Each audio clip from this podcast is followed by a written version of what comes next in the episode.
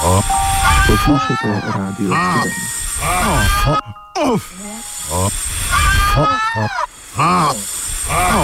Offside.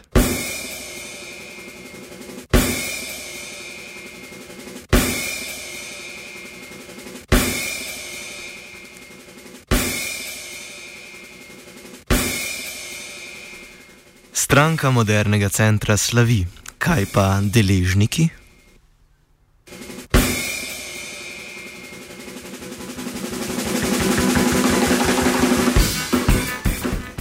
Največja parlamentarna stranka, stranka modernega centra, je danes pripravila tiskovno konferenco ob prvi obletnici državno-zborskih molitev, na katerih so še pod imenom stranka Mira Cerarja osvojili dobrih 34 odstotkov glasov voljivcev in s tem 36 parlamentarnih sedežev.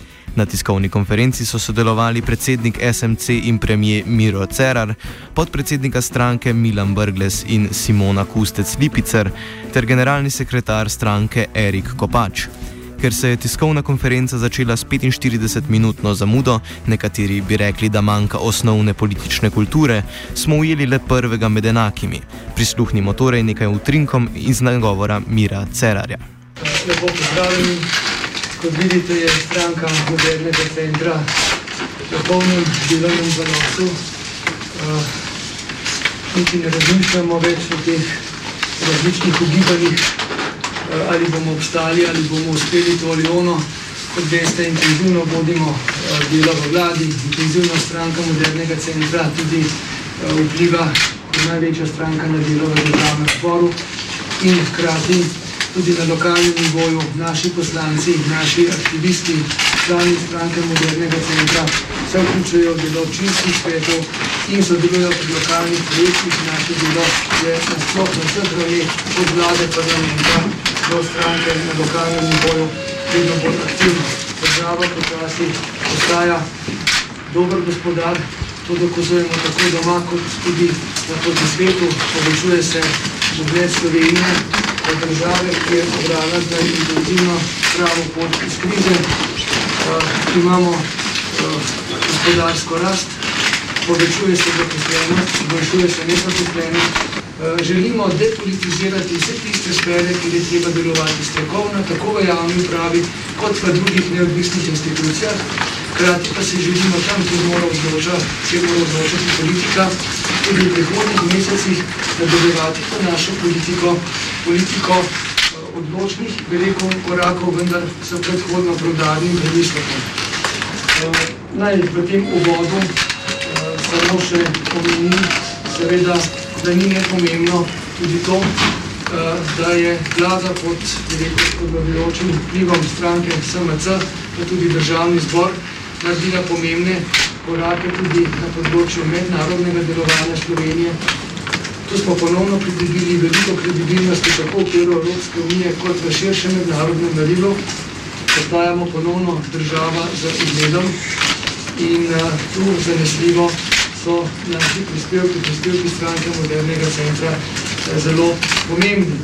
Uh, naj še morda res za konec dodam, da seveda ravno s to predvidljivostjo ne samo v družbenem okolju, ampak tudi z veliko predvidljivostjo poslovnega okolja, ki ga kot sredina stranka tako vladi kot v državnem zboru preko svojih aktivnosti želimo dosegati, predvidevati, dajemo prostor gospodarstvu, da se lahko posveti svojemu poslanstvu. In s tem sem pripričan, da še dodatno spodbujemo uspešnost našega gospodarstva, tako v izvozu kot v drugih komponentah.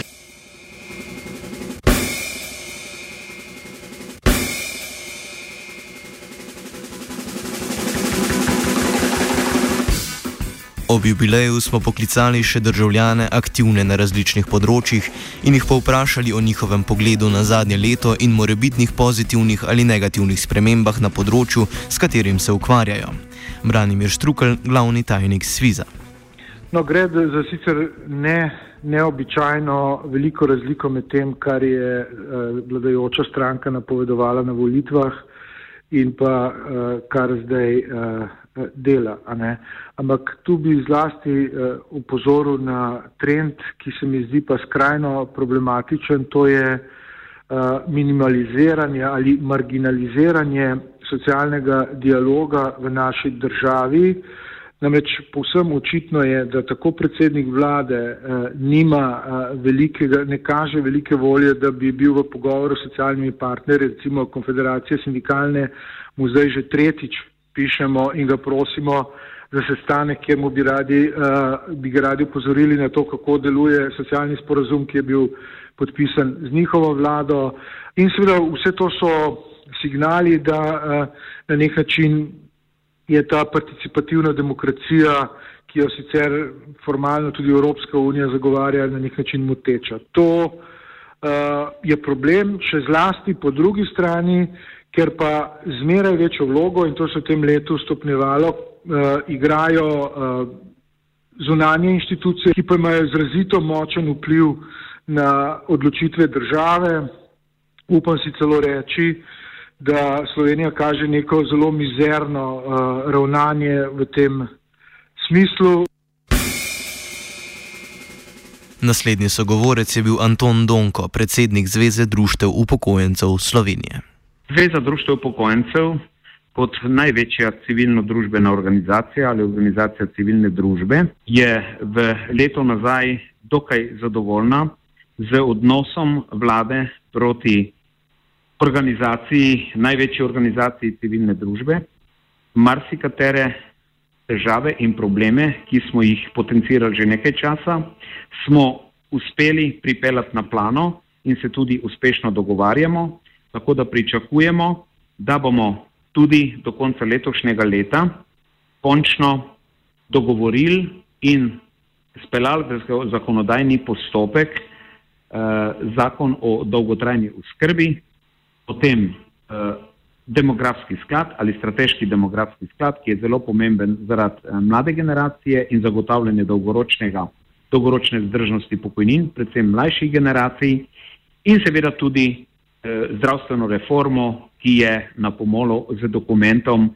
ki je trenutno v parlamentarni razpravi. Govorili smo tudi s Teo Jarci sindikata Mladi Plus, ki se ukvarja z zagovorništvom mladih. Mladi uh, v tem enem letu, po mojem mnenju, ne občutimo nekih bistvenih sprememb na bolje. Še vedno je največji problem mladih visoka brezposobnost mladih, um, še vedno je veliko mladih tisti, ki sploh delajo v nekih prekarnih oblikah dela, torej preko avtorske, preko podjemne. Hkrati še vedno ni rešeno vprašanje pripravništva, preko katerih se mladi izkorišča ali pa mladi sploh ne morejo s tem dostopati do strokovnega izpita, ker jim to ni omogočeno. Tako da v bistvu lahko opazimo, da politika, vsaj na področju mladine, še vedno ni horizontalna. Ministrstva še vedno ne postavljajo mladih na agendo, še vedno se med seboj ne povezujejo, še vedno se ne vlaga v mlade in se nekako nadaljuje s to politiko vrčevanja, za katero pa mislimo, da smo vsaj ob času, ko so bile volitve, vsi upali, da se bo z novo vlado prenehala. Nekako tako ne moramo reči, da je to eno leto, ko je začela delati nova vlada, položaj mladih boljši. Um, vsi želimo večje spremembe, želimo si jih zdaj in pa predvsem končati to politiko vrčevanja in tudi mlade postaviti na agendo. Kakšne so bile morebitne spremembe na področju pravic LGBTQ skupnosti, smo vprašali sociologa in aktivista Romana Kuharja. Tisto, kar je bilo v tem letu eh, drugače ali pa novo na politični sceni v Sloveniji v povezavi eh, s človekovimi pravicami LGBT oseb, je, da smo prvič imeli v vladi in v opoziciji stranke, ki so vsaj deklarativno podpirale to vprašanje, podpirale reševanje tega vprašanja. V tem smislu je sprememba tretjega člena zakona o zakonski zvezi in družinskih razmerih, ki je prišla iz opozicije, pa vendarle dobila podporo tudi vladne koalicije, eh, rezultat uh, te nove situacije in uh, v tem smislu sem tega seveda vesel. Da je do te spremembe prišlo, um, je pa, um, se vemo, ne, na, to, um, na to spremembo oziroma na tem amandmajem zdaj visi grožnja referenduma, tako da v tem letu, v tem smislu, nekaj konkretnega pravzaprav um, še ni bilo storjeno, ker zgodba ni končana. Je bil en pomemben prvi korak in v tem smislu um, so bile um, ne te nejasnosti pred volitvami uh, stranke SMC, ki se ni uh, zelo jasno, ki se je sicer izrekala v podporo LGBT uh, skupnosti, po drugi strani pa ni podpisala tiste zaveze, ki so jo podpisale nekatere druge stranke, se je na koncu po dolgih uh, razpravah in prepričevanjih in mislim, da je stranka uh, tukaj naredila um, pomembne korake naprej in ti koraki niso bili najbolj enostavni. Uh, ta podpora ni bila samo umevna, nažalost, čeprav bi človek pričakoval, da bo. Um, no, tukaj je bilo narejenih nekaj korakov naprej. Kako se bo pa ta zgodba končala, pa mislim, da bomo v kratkem videli. Še zadnja sogovornica pa je bila predsednica Zveze potrošnikov Slovenije Breda Kutin. Ja, preteklo leto ocenjujemo kot leto izgubljenih priložnosti. Namreč po volitvah uh, bil, bila, so bila velika pričakovanja verjetno prevelika, a vendar uh, mandat uh, premijeja, ki ga je dobil s tako visoko podporo na volitvah, je bil izjemno slabo izkoriščen. Na področju varstva potrošnikov nažalost zaenkrat ni nobenih sprememb in uh, razumevanje tega področja je še zmeraj uh, zelo, zelo slabo in uh, mi samo upamo, da se bo v prihodnje kaj spremenilo. Namreč ljudje so, oziroma državljanke in državljani Slovenije so danes bistveno preveč davkoplačevalci, premalo pa potrošniki v tistem smislu, da bi morali za, to, kar plačujejo, dobiti eno primerno, uh, primerno, nekaj primernega nazaj. No. Tako da ponavljam leto izgubljenih priložnosti. In bo rezultat tega je tudi seveda zelo nizko zaupanje v vlado. In uh, brez zaupanja je pa težko uh, uh, karkoli spremenjati, uh, čeprav je v Sloveniji to zelo, zelo nujno.